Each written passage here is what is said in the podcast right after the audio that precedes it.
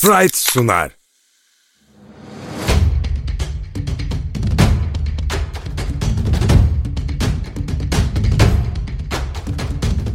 Top yalan söylemez.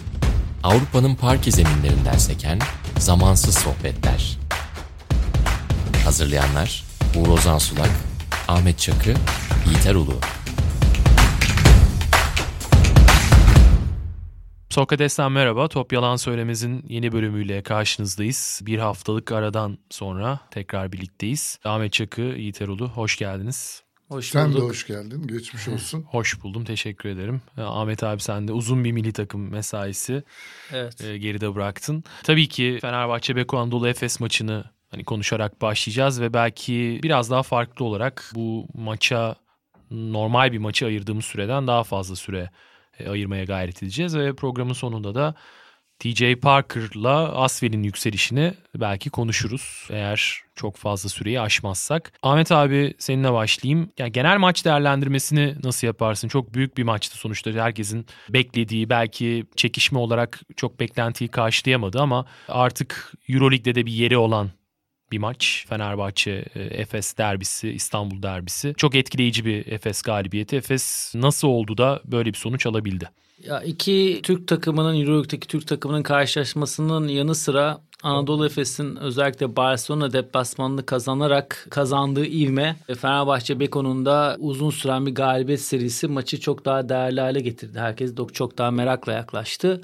Anadolu Efes'in Fenerbahçe Beko'ya göre yükselişi biraz daha geç başladı. Barcelona galibiyetiyle başladığı için Fenerbahçe'de biraz düşüşte yakalandı açıkçası. Son oynadıkları Alba Berlin ve sanırım Zenit maçında da çok çok iyi oynamayarak kazanmıştı Fenerbahçe Beko. O yüzden böyle ivme biraz daha Anadolu Efes'i gösterse de e, hepimizin merakla beklediği bir maçtı. Maç Anadolu Efes'in kurguladığı gibi oldu. Skorun da erken kopmasından belli olduğu gibi. Bir kere Misic'in aynı Barcelona maçında olduğu gibi maçın başından bu kadar domine ederek oynaması. Sertaç'ın yine ilk 5'te önce ikili oyun müdafasını çok iyi yapıp Dekola'yı özellikle çok iyi durdurması ve devamında da hücumda verdiği katkı. Beboa'nın aynı şekilde aynı Barcelona maçı gibi katkılı oynaması.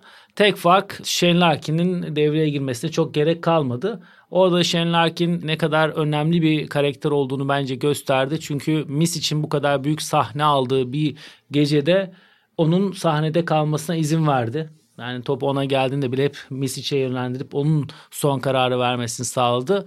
Yani Anadolu Efes çok net, takım halinde çok hazır ve kendine çok güvenli bir galibiyet aldılar. Diğer takımlara nazaran iyi yaptıkları bir şeyi ben gözlemledim.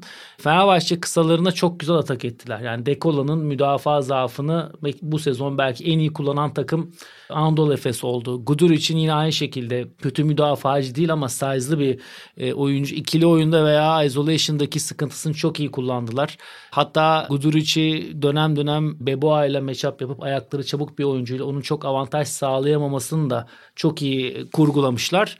İkili oyun müdafasını çok iyi yaptılar. Orada da ben Sertaç'a ayrı parantez açmak Evet. istiyorum. Yani Sertaç e, Anadolu Efes'teki en belirleyici farkını şu anda hepimiz üçlüklerini konuşsak da ikili oyun müdafasında uzunun rolünü hiçbir şekilde vermiyor. Burada da Veseli'nin devreye girmemesini sağlayan oyuncu Sertaç oldu. Yani gerçekten gurur verici bir şey ve hepimizin de belki ders alması gereken bir şey. Brian Dunstan gibi Euroleague'in en iyi müdafacı bir iki oyuncusundan birinin önüne geçmesi. Biraz Dunstan'ın da form düşüklüğüne de bağlı ama Sertaç'ın yaptığı hamle gerçekten çok önemli. Dediğim gibi Fenerbahçe Beko'da her zaman konuştuğumuz özellikle kötü gittiği dönemde neyi konuşuyorduk? Bu takımda Veseli Dekolo olmazsa e, olmadığı gün zorlanıyorlar demiştik ki Dekolo bireysel olarak taşıyıcı bir günündeydi ama yanına Veseli dahil olamadı. Sertaç'ın iyi müdafasıyla Guduric de iyi durdurdu Anadolu Efes.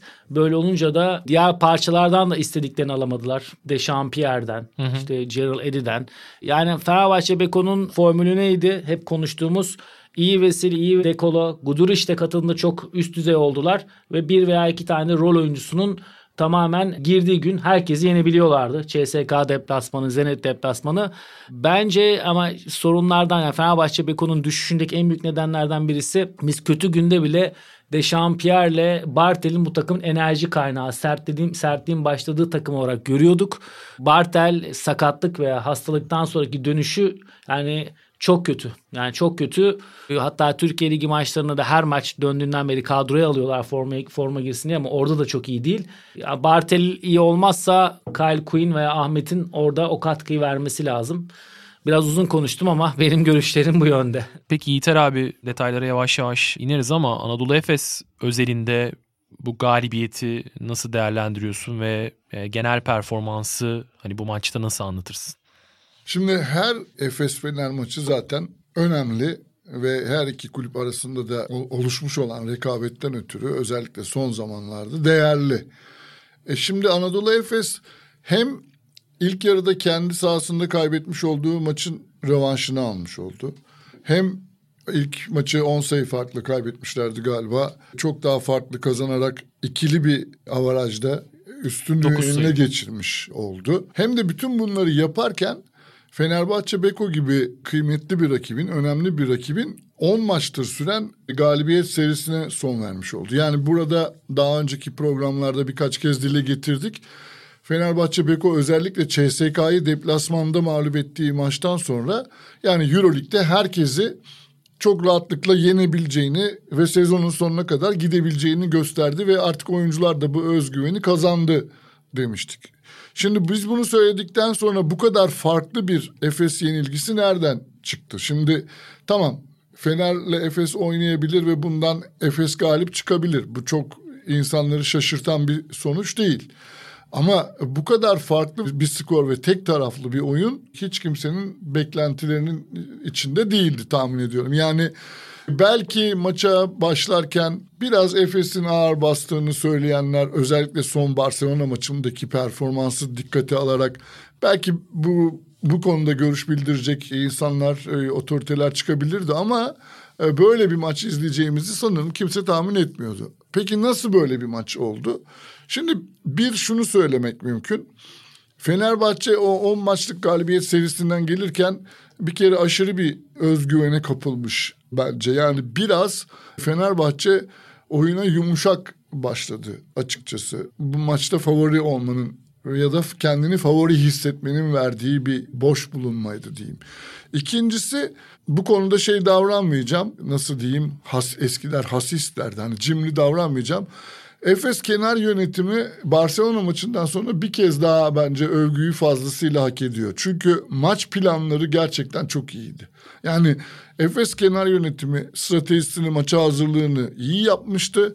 Ve bu uygulamada da çok iyi oturduğu için, tuttuğu için maça neredeyse 10-0 falan galip başladılar. Yani maçın başında vurdukları ilk yumrukla Fenerbahçe Beko'yu çok şaşkına çevirdiler. Ve ondan sonra da bir türlü Sarı lacivertli takım toparlanamadı. Şimdi neydi bu plan? Barcelona maçında bir benzerini görmüştük. Sertaç'ın şutör özelliği rakibin uzun oyuncusunu yani pota altında oynarken kendini çok daha konforlu, daha rahat hisseden oyuncuyu dışarıya çekmesi Sertaç'ın bir kere rakibin savunma kurgusunu epeyce bozuyor. Yani bu Brandon Davis'e karşı da çok iyi işlemişti. Veseli'yi de tekrar çemberden uzaklaştıran böyle bir hamle ve Sertaç'ın bu şutları çok isabetli, çok yüksek yüzdeyle kullanıyor olması. Bir de şöyle bir şey var yani iki sayı yazılan ama üç sayının kenarından dönen evet. birkaç tane şut oldu. Neredeyse iki buçukluk şutlar diyebileceğimiz yani artık... Hep farklı yerlerden attı. Zaten. Artık range'ini çok uzaklaştırmış durumda. Çok rahatlıkla, özgüvenle üçlük kullanıyor. Ve şimdi bu bir kere Veseli'yi o konfor alanından çıkarttı. E, Veseli'nin çok daha geniş bir alanda savunma yapmak zorunda kalması ve diğer arkadaşlarına yardım etmesini zorlaştıran faktörlerden bir tanesiydi. Mis için Nando De Colo'nun savunmadaki daha önceki yıllarda da zaman zaman gündeme gelen zafiyetini özellikle onun üzerine giderek çembere doğru e, yapmış olduğu hareketlerin çembere doğru gidişlerin sayısını arttırarak kullanması hem Misic'e skor imkanı getirdi hem Nando De Colo'yu rahatsız etti hem o koridordan gidildiği zaman çembere kadar giden bir mis için arkadaşlarına hazırlamış olduğu boş şut pozisyonlarının sayısı arttı.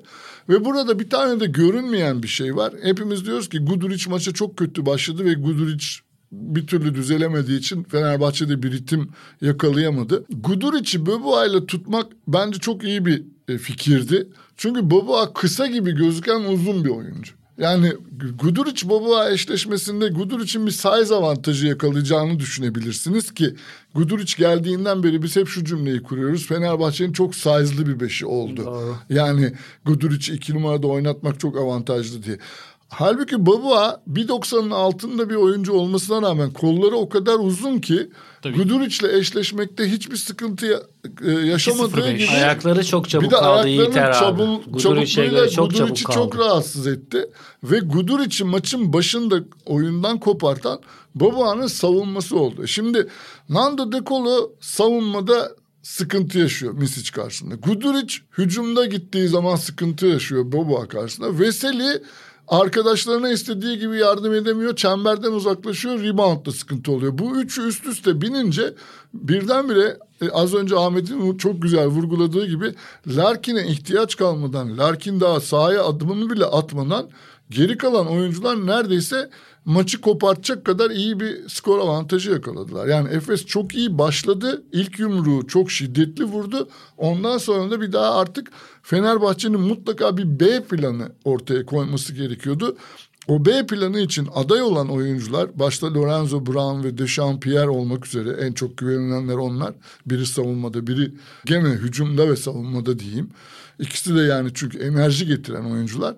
Bunlar da yani o akşam beklentileri karşılayamadılar. Fenerbahçe bir B planı üretmek konusunda çok kısır gözüktü ve maçın o gidişatını kabul etti bir yerden sonra yavaş yavaş fark açıldı. Yani hep konuşulurken Efes'in çok iyi bir hücum takımı olduğundan ve kendi silindirleri çalışmaya başladığı zaman, dişliler uyduğu zaman çok güzel akıp giden bir basketbol oynadığından bahsediliyor. Ama Efes'in savunmasının hakkı bence burada yeterince verilmiyor. Yani Efes iyi bir savunma takımı olarak da Barcelona maçından beri bence övgüyü hak ediyor. Ama iyi hücum ettiklerini de yapıyorlar. O yani hem Barcelona maçı hem Fenerbahçe maçı iyi hücum ettikleri için yaptılar. Ahmet abi peki şuraya geleceğim. Efes'in geçen seneki çok iyi hücum performansı sergilediği maçlarda şöyle bir tema vardı aslında. Tibor Plyce'i biraz sezon içerisinde aldığı katkıyı görünce Ergin tamam biraz daha ana plana yaklaştırmıştı. İşte Dunstan'ın o talihsiz yaşadığı olayla birlikte zaten uzun süre takımdan uzak kaldığını hatırlıyoruz. Aslında Efes'in sisteminde Dunstan'ın kısa devrilmeleri ve sonrasındaki işte paslar ya da hani hücumun o şekilde akması e, önemli gibi gözükürken Sertaç ve Plyce'ın şut performansı daha farklı profilde e, uzunlar olmaları Efes'in hücumunu daha da yukarıya çıkarmasını da sağladı aslında. Hani bunu bir milat olarak alalım demiyorum ama buradan sonrasını düşünürsek Plyce da geldi çünkü. Sertaç ve Plyce Efes'in mevcut sistemine daha uygun tarzda iki uzun mu? Şöyle cevaplayayım. Bir kere Brian Dunstan, Koç Ergin Ataman'ın bu takımı kurduğundaki en önemli çıkış noktalarından birisiydi. İşte Misic, Beboa, Larkin orada da hep konuşulur işte Misic Larkin'in backup'ı olarak alındı ama o rolü aldı diye hatta hı, abi de evet, bunu evet. kendi açıkladı. Şimdi oradan tabii ki yaşanan bazı sakatlıklar da olabiliyor bazı takımlarda. Bazen bir sakatlık olmadan da o takımın içerisinde yolda bir şeyler çıkıyor ortaya. Brian Dunstan'ın sakatlığıyla beraber Plyce'ın hem paint koruyuculuğu hem de aynı zamanda da işte short corner'dan ve üçlüklerden bulduğu atışlar başka bir pencere açtı Anadolu Efes'e ve Koç Ergin Ataman'a. Burada devamında Sertaç'ın da gelmesiyle iki oyuncunun da ne kadar maksimal bir şekilde verimli olduğunu ortaya çıkardı. Hatta Singleton transfer edildiğinde onu 5 numarada daha fazla kullanılacağı hem konuşuluyordu hem de öyle bir amaçları da vardı. Ama Sertaç ve Plyce'den böyle bir katkı gelince oraya çok gerek de kalmadı. Çok da gitmediler. Belli süreler dışında orayı çok kullanmadı Anadolu Efes. Burada Plyce ve Sertaç'ın gelişiminin çok önemli bir rolü var ama aynı zamanda bence Brian Dunstan'da da bu konuda da bir düşüş var. Yani hem hücumdaki bitiricilik yani deep roll sonu çember çevresindeki bitiricilik hem de ikili oyun müdafasında da uzunla aynı seviyede kalmakta eski formunda değil. Bu bence önemli bir şeydir. Kadronun size verdiklerine adapte olmak. Burada işte Yiğiter abinin de söylediği gibi Koç Ergin Ataman ve ekibine de bence bir parantez açmak lazım. Çünkü genelde Euroleague, NBA gibi takımlarda böyle bir paye bir rol verildiğinde takımdaki bir oyuncu ana oyuncuya ondan çok geri adım atılmaz ama orada gelişen parçaları ve takım düzenini geliştirmek adına böyle bir hamle yaptılar. Bence bu sezonun devamında inşallah Final Four ve finaline kadar ben Sertaç ve Plyce'ın senin çizdiğin senaryoda daha çok rol alacağını düşünüyorum. Ama Koç Ergin Ataman'ın tarzı da bir oyuncu aldığı zaman o oyuncudan da kolay kolay vazgeçmez. Brian Dunstan da tabii ki formu daha da yükselecektir. Biraz da yoldaki yani bazı maçlarda deneyecektir bunu ama ben sezonun geri kalan şu normal sezonda hemen hemen her maçta Sertaç'ın önemli bir rolle devam edeceğini düşünüyorum. Çok büyük bir düşüş yaşamadığı sürece. Bir de bir parantez bu Fenerbahçe Beko'nun 10 tane 10 tane üst üste maçı vardı kazandığı birazcık onlar için şöyle bir şanssızlık da oldu. Yani bu da normaldir. Anadolu Efes gibi bir Türk derbisine kendileri için çok belirleyici. Belki inşallah olmaz ama iki takım aynı galibiyetlerde olurlarsa bu maçın sonucu çok önemli olacak. O farka da ben çok bakmıyorum. Bu iki takım arasında gerçek bir fark değil. Maç çok erkenden koptu ama bir takım uzun süre maçlar kazandığı maalesef bu düşüşler oluyor. Benim de koç olarak başıma geldi. Üst üste 3 maç kazandığınızda da bazen bu olur. Takım böyle bir rehavete kapılır. Tutamazsınız o düşüşü. Biraz da bu maçın bu kadar net farklı olması başından bitmesi çok yükselişte olan ve form yükselmiş bir Anadolu Efes'te biraz düşüşte olan Fenerbahçe Beko'nun karşılaşmasından dolayı oldu.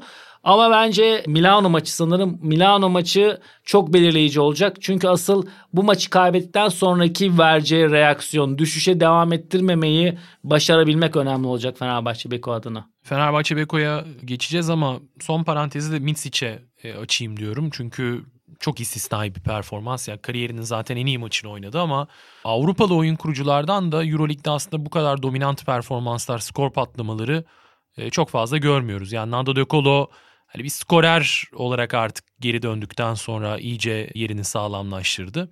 Yani Mitsic e, her ne kadar Larkin'in yanındaki diğer guard gibi gözükse de sonuçta oyun kurucu temelli bir oyuncu ve Jagiris de daha çok işte böyle iki numara post-up'ı oynarken hani böyle çok fazla skor patlamasını izlediğimiz maçları yokken Efes'te bambaşka bir profilde artık ve herhalde en çok Sam Presti sevinmiştir bu performansa Efes cephesinden sonra Oklahoma tabii ki yakından takip ediyor ve kontratı bitecek sezon sonunda. Ben şahsi olarak Real Madrid haberlerine pek ihtimal vermiyorum. Bence Avrupa'da Efes dışında bir Öyle takımda... mi Real Madrid mi istiyor? Evet Real Madrid haberleri çıkmış ama Euroleague'de rakipler bazı oyuncular iyi giderken bu haberleri çıkartır biliyorsunuz. Yani zaten İspanyol İspanyol basını kaynaklı bir haber. Ya ben pek zannetmiyorum Mitz için Avrupa'da Efes dışında bir takımda oynayacağını. Giderse NBA'ye gider ki böyle bir isteği olduğunu da biliyoruz zaten. Gitmezse de kalır bence. Mitsic'e dair Yiğiter abi ne söylemek lazım? Çünkü hani Sertaç'ın gelişimini konuşuyoruz. İşte Türkiye Ligi'nde 20 dakika ortalamayla Beşiktaş dışında çok oynayabilen bir konumda değildi çok kısa süre önce. Mitz için de Avrupa'nın en üst seviyesinde yaptığı gelişim, gösterdiği gelişim gerçekten çok istisnai. Yani bu kadar keskin zirveye çıkan bir oyuncu çünkü Bayern'de neredeyse unutulmuş bir Evet. oyuncuydu artık. Tabii. tamamen ipler kopmuştu. Sonrasında Yani işte Tofaş'ta Orene ile ayağa kalktı. Ve üzerine Jagiris. Sonra sürekli Ama- ilerledi. Ama Tofaş ve Jagiris'te de yani Tofaş'ta tabii rolü biraz daha farklı olabilir ama Jagiris'te özellikle Jagiris Final Four yaptı evet. Ama orada da ana rolü tamamen Kevin Pangos'a bırakmış bir Mitsic Kevin vardı. Pangos transferi yaptı o sayede Barcelona Evet. transferini. Tabii ama- Ana payı o kaptı. Evet. Yani direksiyona geçmesi evet daha çok Efes'le ki onun da Efes'te Shane Larkin'in olduğu düşünülürse sanki Kevin Pangos'la orada paylaşmış olduğu sorumlulukları sanki burada da benzer rol dağılımıyla sürdüreceklermiş gibi bir tahmin e, vardı ama öyle olmadı. Yani Larkin'i tamamen skor atan bir oyuncu olarak kullanmak istemesi Ergin Ataman'ın onun o, o yönünü daha çok işte kullanması, Mistic'e direksiyonu bırakması ve hatta Mistic'in zaman zaman kötü maçları da oluyor biliyorsunuz. Yani kötü başladığı maçlar oluyor. Bütün bir maçı kötü oynadığı bu sezon pek hatırlamıyorum ama yani maç içerisinde kötü bölümleri oluyor. Ona rağmen Ergin Ataman onun yönettiği hücumdan, onun yönlendirdiği hücumlardan vazgeçmiyor. Yani burada gerçekten koçla aralarında çok iyi bir güven ilişkisi doğmuş durumda. Yani bunun neticesinde Mis için ben buradaki ortamı bırakıp Euroleague'de bir başka takımda Bence başka arayışlara yöneleceğini tahmin etmiyorum. Ama NBA bir başka hikaye. NBA rüyası hemen hemen her oyuncunun var. Tabii NBA Avrupa'dan giden point guardlar için zor.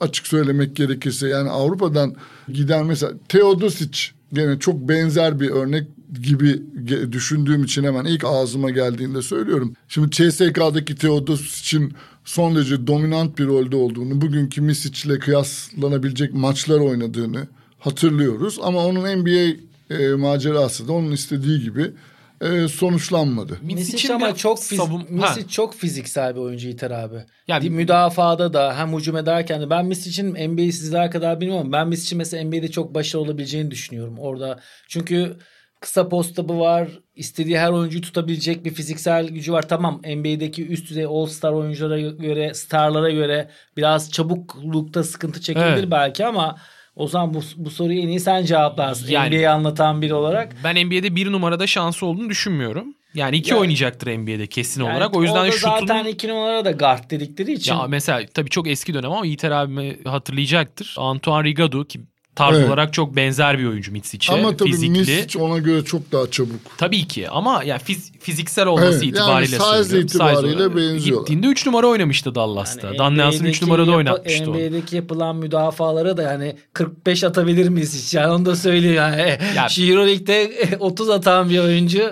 Mitsic, Mitsic mesela Oklahoma City olarak düşünelim. Ben ana rolde çok çok böyle ilk etapta bazı şeylerin teslim edileceğini düşünmüyorum ama Oklahoma şu anki rotasyonu dikkate aldığımızda işte Gilgis Alexander zaten takımın ana oyuncusu ki onlar da draftta yukarıdan seçecekler yani çok büyük bir aksilik olmazsa takım kazanıyor ama bir noktadan sonra bence Horford da dinlendirilecek. Neyse çok dışarıya çıkmayayım burada.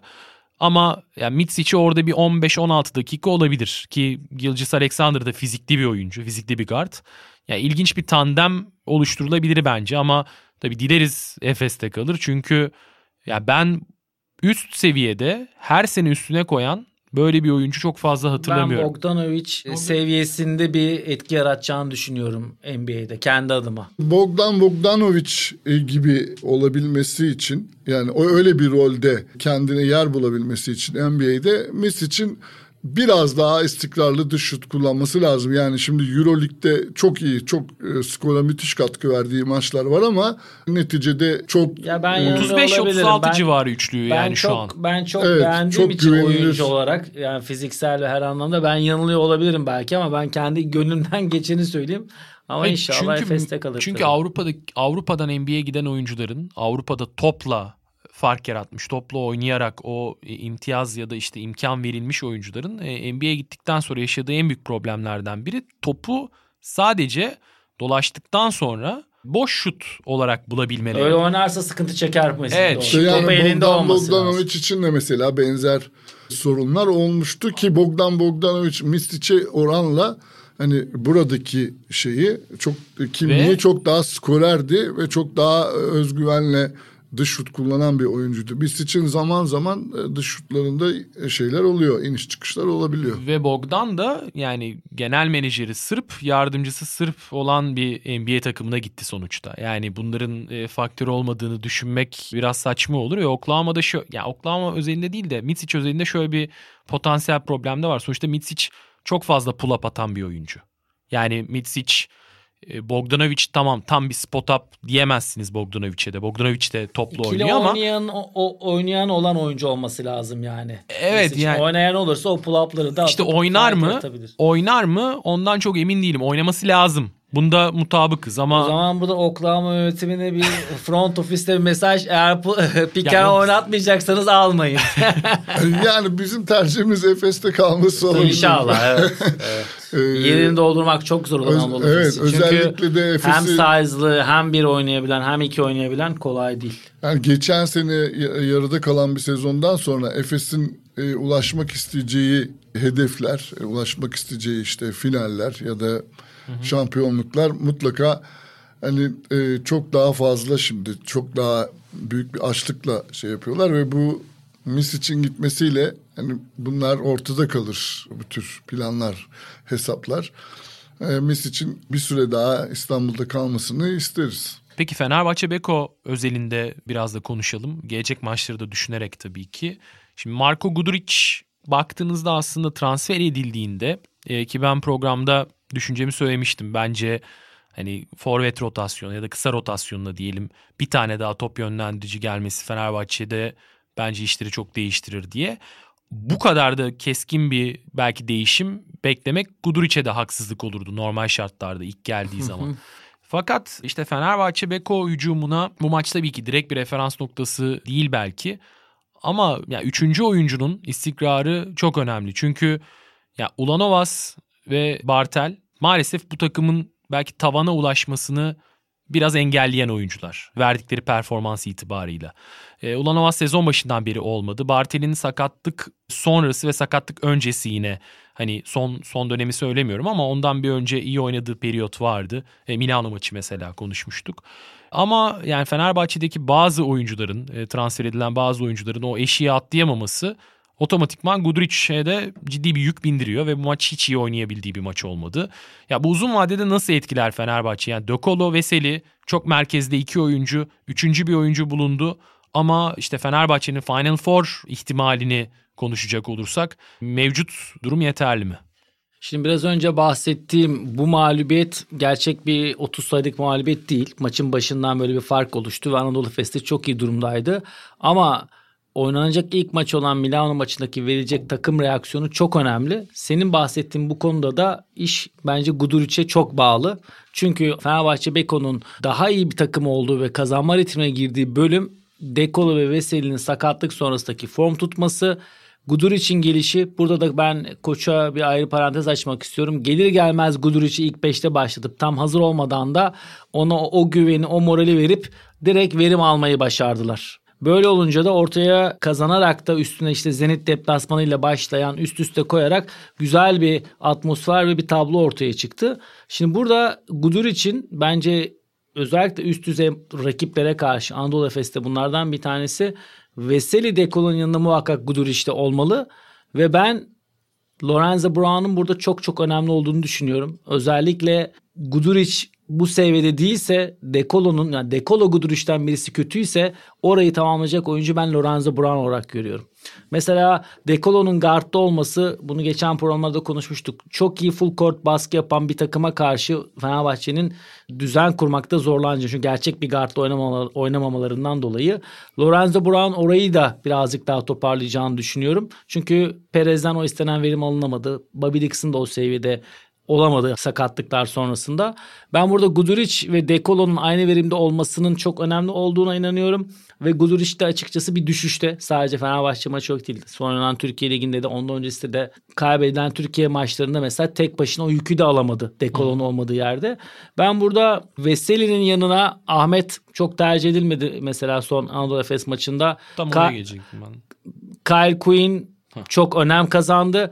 Yani sadece Guduric değil. Guduric eğer iyiyse birçok sorun ortadan kalkıyor ama kötü olduğu günde de bunu e, Lorenzo Brown'dan ve uzun bölümünde de Veseli'nin yanına birini muhakkak bulmaları lazım. Çünkü Anadolu Efes maçında şu da ortaya çıktı. İşler hep tıkandığında 3 numarayken de 4 numarayken de Dechampierre'in isolation'la ya sırtı dönük yazı dönük o fauller elbow, elbow'dan yüz dönük oyunu hep kazanılan kilit maçlarda CSK deplasmanı da işte evdeki Zenit maçı da oradan çözüldü. E tabi buraya takımlar da önlem alıyorlar. O yüzden bunun yanına başka silahlar da olması lazım. Bu da işte transfer edileceği zaman konuşulan Kyle Quinn'in orta mesafe oyunu. Anadolu Efes maçını çok ölçü almıyorum ama Fenerbahçe Beko iyi yapan şeylerden birisi Veseli'nin short rolü. Oradan kendi şutu ve oradan dağıttığı paslar. Mesela bu da olmadı. Orayı hemen Anadolu Efes iyi savundu. Ben soruyu cevaplarken genel cevaplamak istiyorum. Gudur için performans önemli ama o olmadığı günde bunlarla çözülebilir. Ama Guduric iyi olduğunda da çok çok rahatlıyor tabii. Özellikle en çok rahat eden de Dekolo oluyor. Belki Kylo Quinn'den devam edebiliriz. Çünkü ya o da çok aslında sezona sonuçta geç bir dönemde geldi. İlk kez Avrupa'da oynuyor. Direkt etki etmesini haliyle bekleyemezdik ama özellikle lig maçlarında ısındı. E, hatta Efes maçı belki biraz daha fazla oynayabilirdi. Yani daha farklı e, bir düzen e, Bartel artık vermiyorken o verimi e, belki denenebilirdi Igor Kokoşkov tarafından. Veseli Queen yan yana evet. beklediğimiz kadar kullanmıyor ben, koç evet. Yani evet. onu daha çok ben beşte kullanmak düşünüyorum. Bu, bu durumun ben değişeceğini düşünüyorum kısa ya da orta vadede. Çünkü Bartel çok ciddi bir toparlanma periyoduna girmezse rotasyonda biraz aşağı düşecektir. Hı hı. Çünkü artık yani rekabetin çok yükseldiği bir döneme geldik sezonda.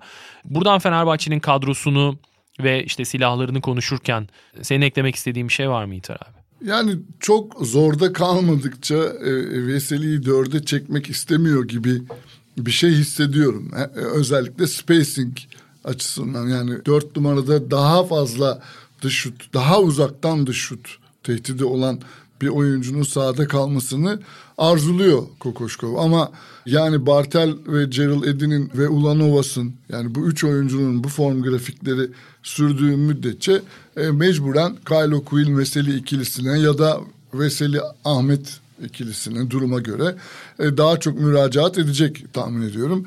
Yani Kylo Quill ile ilgili şunu söyleyebilirim. Halen adaptasyon sürecinde yani çok az oldu daha zaten gelip takıma katılalı. İlk defa Avrupa'ya geliyor olması bir dezavantaj. Çok uzun süredir maç oynamamış olması bir dezavantaj.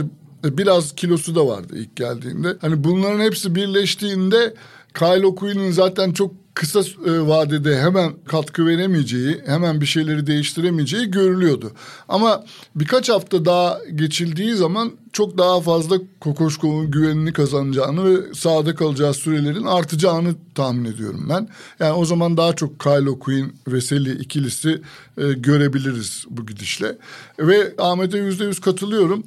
Özellikle yani Gudur için çok da keskin gözükmediği ya da rakipler tarafından yavaşlatıldığı gecelerde mutlaka Lorenzo Brown'a daha fazla sorumluluk vermek gerekiyor. Hem tempoyu arttırmak açısından hem de takımın savunmada topa uygulamış olduğu baskıyı arttırmak açısından Lorenzo de Lorenzo Brown'la Dechampierre'i aynı anda sahada tutmak Hı. bence Fenerbahçe için çok olumlu şeyler getiriyor. Çünkü bu ikilinin savunmadaki agresifliği, savunmadaki e, yıpratıcılığı temponun da artmasını sağlıyor. Yani top kapma ihtimalleri artıyor. Rakibe dengesiz şut attırıyorsunuz. Onun seken topundan daha hızlı transition'a çıkabiliyorsunuz vesaire. Yani Lorenzo Brown, Döşan, Pierre ikilisinin iyi kullanılması Fenerbahçe'nin elindeki zenginliği arttırır. Sonuçta Fenerbahçe Beko açık sağ takımı bence. Evet. Açık sahada tempo bulduklarında müdafaa kaynaklı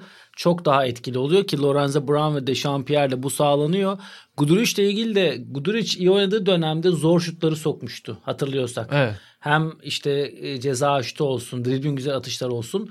Onu sokamadığı zaman birebir de adam eksiltmekte zorlanıyor. Yani çemberi de gidemiyor sonuna kadar. O yüzden o şutu sokamadığı zaman da verimsiz hale geliyor. Birazcık bence odanın da rahatlaması lazım. Normalde Guduric akışında oynadığında, top ona geldiğinde, doğalını oynadığında çok faydalı bir oyuncu. Paslarıyla da şutlarıyla da. Biraz o da sokamadığı zaman farklı şeyler denemeye gidiyor ama tabii bir tık formsuz. Onu da söylemek lazım. Yani sezonun bu bölümünde ama şunu kesinlikle söyleyebiliriz. Yani şimdi oyun kurucu Nando De Colo, ikinci guard Lorenzo Brown, diğer top yönlendirici 3 numara Marco Guduric, Dişampierre ve Yan Veseli. Aslında Igor Kokoşkov'un ana beşi, aklındaki ana beş. Yani diyelim ki bir Final Four maçında e, maçın sonunda tabii rakip eşleşmeyi düşünerek burada biraz afaki de konuşmuş oluyoruz ama ana planı kafasındaki ana beş biraz bu gibi. Burada da şöyle bir problem yani olabiliyor. Lorenzo Brown'u ben orada görmüyorum açıkçası. O birazcık daha size olmak adına Olan havası orada veya Pieri 3'te. Dechampierre 3'te düşünüyor. Lorenzo ama, Brown çok çok eğer Dekola ve Guduric kötüyse orada onu geliyor. birazcık kullanmak istiyor. Ama ana planda yok. Ama hayır şunu demeye çalışıyorum. Takımın şimdiki biz şu an en çok süre alan oyuncularından ziyade ana plan olarak düşünüldüğünde bu takımın gidiş noktası diyorsunuz ki işte açık alan. Sonuçta açık alan basketbolu. E, Lorenzo Brown'a da Pierre de burada ihtiyaç var. Ve ya o iyi bir dörtlü bence. Lorenzo Brown, Decolo, Guduric hem 3 tane topa yön veren kısanız var. Dechampierre'le 3-4 numaradan da hem yüz dönük oyunuz var, reboundınız da var. Veseli de 5 oldu tabii ki en iyi beşlerinden birisi. Evet bence Beko'nun. yani takımın tavanına ulaşma ihtimalinin en yüksek olduğu 5 bu. Bence Kokoşkov bunu yani şu an maçı tam hatırlayamıyorum ama çok fazla süre verdiği bir 5 anlamında değil. Ana plan ya da işte evet. maçı kapatacak 5 diyelim ki evet. olma potansiyeli yüksek. Şimdi burada da şöyle bir durum var. Dişampier kuşkusuz Euroleague'de belki sezonun transferlerinden biri. İşte Bartel ve Ulanovas'la alakalı ya da Perez'le alakalı hani birçok şeyi konuştuk ama hani Pierre de tam aksi yönde olumlu sonuç vermiş bir transfer. Şimdi burada Pierre'den de aslında her akşam aslında ekstra şut katkısı ve ekstra skor beklemiş oluyorsunuz. E, sezon başında böyle bir beklenti Pierre gelirken pek yoktu. yoktu. Ama Fenerbahçe'nin o maçlık galibiyet serisine bakıldığında Pierre'in 12 sayı, 14 sayı, 16 sayı dönem dönem belki daha fazla. Ama o 13-14 bandında hep attığını gördük ve bu maçtan da önce bir sakatlığı vardı Efes maçından önce. Belki o da etkilemiştir tabii ki. Ha Pierre de belirli açılardan çok bağımlı bir takım aslında şu yani anda. şöyle Bartel'in yokluğunda esaslı bunu da konuşmuştuk. CSK deplasmanında özellikle Gerald Eddy Bartel'in yokluğunda 4 numaradan o şutu da vermişti. Hem de Dechampierre'in daha çok 3'te kullanılmasını da sağlamıştı. Tabii şimdi Bartel gelince koçun da eli biraz daha ona gidiyor. Çünkü hastalığından önce onun da çok büyük bir katkısı vardı. Fiziksel sertlik getirmesi, işte 4 numaradan e, şutu sokmasa da oraya bir kalite getirmesinden dolayı. Ama işte birazcık da antrenmanlar ve maçlar tabii yaşayanlar da onlar takım içerisinde kendileri. Koçun da burada öngörüsü ve hissiyatı önemli. Belki Gerald'in özellikle son oynanan lig maçında da 3 tane falan üçlük soktu. Oradan belki bir şut alınırsa çünkü bu kısalara Guduric, Dekola'ya alan açmak için koç 4 dışarıda gibi kalmayı seviyor alan açmak için ama onun için de şutu sokabilecek oyuncu lazım. Bartel'in sokamadığı gün eğer Dechampierre'i de 3 numarada kullanmayı tercih ederse Cirledi'ye veya Kyle Quinn ve Seli yan yana böyle bir evet. e, ikiliye gitmek gerekiyor. Orada da dört dışarıda yerine iki uzunun içerideki low to low dediğimiz birbiriyle bağlantılı oynaması. Ya esas da orada bir hep bir Veseli deyince aklımıza gelir ya Ekbe Udah'la oynadıkları böyle bir ikili uzunun bağlantısı. Ya oyunun tamamı belki oraya dönmese de bir 10-12 dakikalık bölümü farklı bir kalitede getir, bir çeşitlilik de getirebilir Fenerbahçe Beko hücumlarına. Peki son bölümde Asvel'i ve TJ Parker'ı biraz konuşalım. Üst üste 6. galibiyet oldu ve Asvel sezona ilk 10 maçın 8'ini kaybederek başlamıştı. Ama çok keskin bir değişim tabii ki. Kadro içerisinde de öyle büyük hamleler olmamasına rağmen ikinci kez Barcelona'yı yendiler ve e, TJ Parker eleştirilen bir koçken ciddi anlamda. E, çünkü hani geliş şekli ne olursa olsun yani. Ben soyadı Evet. Soyadı, soyadı itibariyle eleştiriye açık zaten her türlü. Adam kayırma artık yani nepotizm ne derseniz. Yo iyi açıdan bakalım bence. Bir koça güvenirseniz arkasında durursanız muhakkak işler yoluna giriyor. Takımda çok büyük kimya problemi yoksa bence yöneticiler için güzel bir mesaj. Ge- geçen sene de Tony Parker zaten e, biraz yani bu şeyin ön gösterimini yapmıştı Mitrovic'in hastalığı döneminde. Ne söylemek lazım Asfel'le alakalı? Asfel şimdi lisansı da aldı. Eurolig'in uzun dönemdeki hissedarlarından biri olacak Asfel. Yani Fransız basketbolunda yani lokomotif olmak zaten şu anda çok zor değil. Hani dürüst olmak gerekirse. Ama Asfel'in de e, Euroleague'de ciddi bir katkı verdiği de ortada bu Bence sezon itibariyle. hem Euroleague'in Asfel'e ihtiyacı var hem Asfel'in de tabii Euroleague seviyesinde önemli bir başarı e, göstermeye uzun yıllar aradan sonra tekrar oralara dönmek için çok büyük bir gayreti, özlemi var. Yani Euroleague'in Fransa'dan gelecek bir takıma çok ihtiyacı vardı. Fransız basketbolunun Euroleague'de temsil edilmesi. E şimdi bu bir türlü Paris'ten olmuyor. Yani en büyük ve en cazibeli, en e, herkesin gitmek için can attığı şehirden bir türlü çok iddialı bir temsilci çıkamıyor. Ama iki numaralı şehir olan ki gene bence aslında Avrupa basketbolunda da zaman zaman ağırlığını koymuş olan Lyon'dan bir temsilcinin çıkmış olması önemli bir şey. E, Euroleague açısından iyi bir haber bu, iyi bir gelişme. Asfel için de şöyle yani sevgili Ali'nin de formasını giydiği yıllarda bir Final Four takımıyken hatta Efes'in yoluna taş koymuş bir Final Four takımıyken 1990'larda bugün artık bu kadar uzakta kalmış olması işte Euroleague'de bir maça çıkarken genellikle rakiplerinin favori gösteriliyor olması. Hani Euroleague'de var Asfel ama canım son birkaç sıradan son üç sıradan kurtaramaz kendini diye böyle konuşuluyor olması e, onlar için yaralayıcıydı elbette. Hiç değilse bunu aşmış oldular. Yani kötü başladıkları bir sezonda şu anda iyi basketbol oynuyorlar. Daha doğrusu kendi kadrolarına uygun basketbol oynuyorlar. Onlar yani Asfer son derece atletik oyunculardan kurulu ve kendi istediği tempoyu bulduğu zaman aslında her gece her rakibi yenebilecek kapasitesi olan bir takımdı. Fakat yani Euroleague'deki basketbola nedense bilemiyorum. Yani bir Olympiakos basketbolu oynamaya çalışıp ya da bir Zenit'in oynamaya çalıştığı basketbolun bir benzerini oynamaya çalışıp kendi karakterlerinin dışına çıktılar ve o zaman verimlilikleri düştü. As, Asfel'in frene basmadan oynaması lazım. Belki oyuncular sezon başında çok kaybettikleri için üzerlerindeki baskı kalktı. Ve ondan sonra daha rahat oynamaya başladılar. Tabii orada William Howard'ın da bu son haftalarda e, göstermiş olduğu gelişim yani hem takım içerisinde etkili bir role kavuşmuş olması hem de atletik özellikleriyle dış şutunu birleştirerek e, aslında belki de Eurolig'in e, önümüzdeki yıllarda Eurolig'e damga vuracak bir oyuncu olacağını söylemesi, bize bunu göstermesi etkili oldu. Yani Asvel herhalde şimdi sezon başında kaybettiği maçlara yanıyordur. Çok Yoksa e, pekala onlar da şu anda playoff için kafalarını uzatmış olabilirler Ya diyor. hala tabii matematiksel olarak şans var ama yani Biraz cid- zor. Ciddi de bir dezavantajları oldu ortada. Ee, Ahmet abi sen Asfer'le alakalı bir şey eklemek Ya ister bir kere misin? Asfer'le ilgili burada biz daha önce de konuşmuştuk. Mustafa Fall ve Yabusele gibi iki tane Fransız oyuncuyu uzun rotasyonla birini beşte, dört mu olarak ilk beşe koyup bunda farklı bir basketbola süslemeleri ben sezon başında daha farklı sürpriz galibiyetler bekliyordum zaten ama ucu ucuna çok kaybettiler gerçekten. Hatta burada beraber de izlediğimiz Anadolu Efes maçını bile ucu ucuna Evet. kaybetmişlerdi.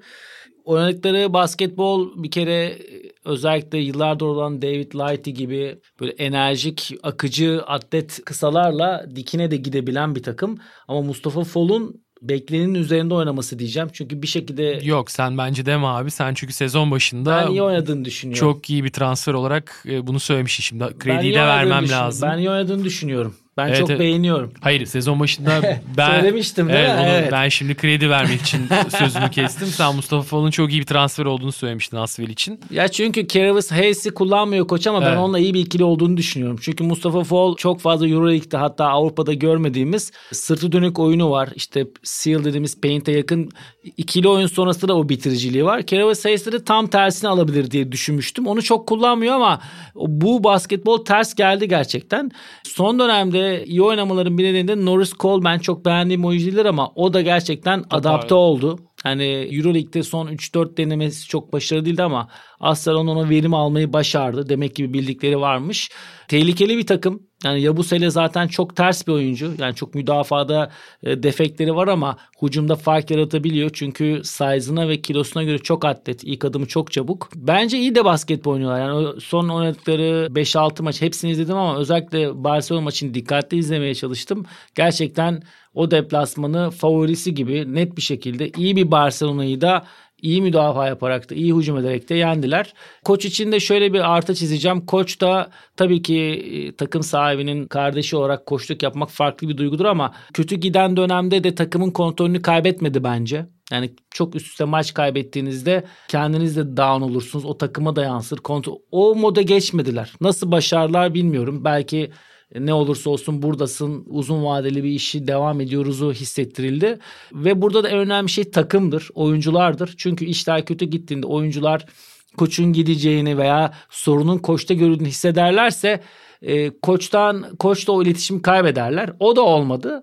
Aksine Norris Cole çok iyi oynamazken o daha çok devreye girdi. Hatta bir guardla daha anlaşmışlardı ama onunla da feshettiler. Tom, Tom Hurtel Fransa. Tom Hurtel geldi. Fransa. Evet şimdi o gelince Ha şey, şey Derek Walton. Derek Walton. Derek Walton Jr. aynen. Zalgiris'te oynayan.